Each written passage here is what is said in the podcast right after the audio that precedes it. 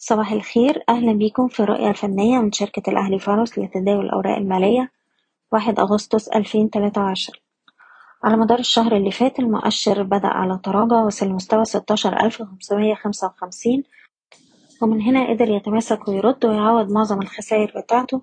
والإغلاق الشهري جاء بالقرب من أعلى مستوى في الشهر عند مستوى السبعتاشر ألف خمسمية خمسة وتسعين نقطة. أما في جلسة امبارح المؤشر قفل على ارتفاع طفيف وأحجام التداول امبارح كانت مرتفعة نسبيا. المؤشر مازال بيتداول بالقرب من مستوى مقاومته سبعتاشر ألف وستمية وهتبقى فرص استمرار محاولات الصعود لكسر المستوى ده الأعلى قائمة. طول ما إحنا محافظين على مستوى الدعم بتاعنا السبعتاشر ألف وتلتمية. تأكيد كسر مستوى السبعتاشر ألف وستمية يفتح لنا الطريق لمستوى التمنتاشر ألف نقطة. على الأجل القصير بننصح بالاحتفاظ ورفع مستويات حماية الأرباح لأقل مستويات اتسجلت الأسبوع اللي فات حسب كل سهم على حدة وبالنسبة للأسهم مصرية للاتصالات السهم اللي الجلسة التانية بيشهد ارتفاع قوي بأحجام تداول مرتفعة نسبيا والسهم دلوقتي بيواجه مقاومة عند الستة وعشرين جنيه وربع تأكيد اختراق المستوى ده الأعلى يفتح لنا طريق لمستويات السبعة وعشرين تسعين. باختراق المستوى ده هيبقى عندنا مستهدف عند التسعة وعشرين جنيه. أقرب مستوى دعم هيكون حوالين الخمسة وعشرين جنيه ونص.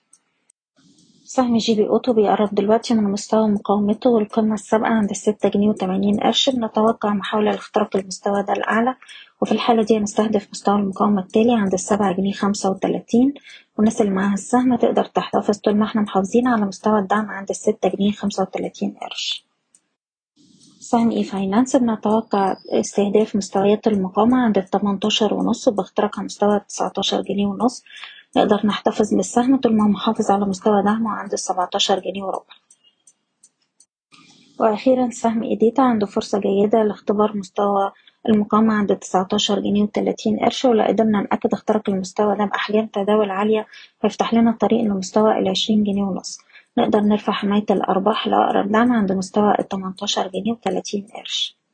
بشكركم بتمنى لكم التوفيق. إيضاح الشركة غير مسؤولة عن أي قرارات استثمارية تم اتخاذها بناء على هذا التسجيل.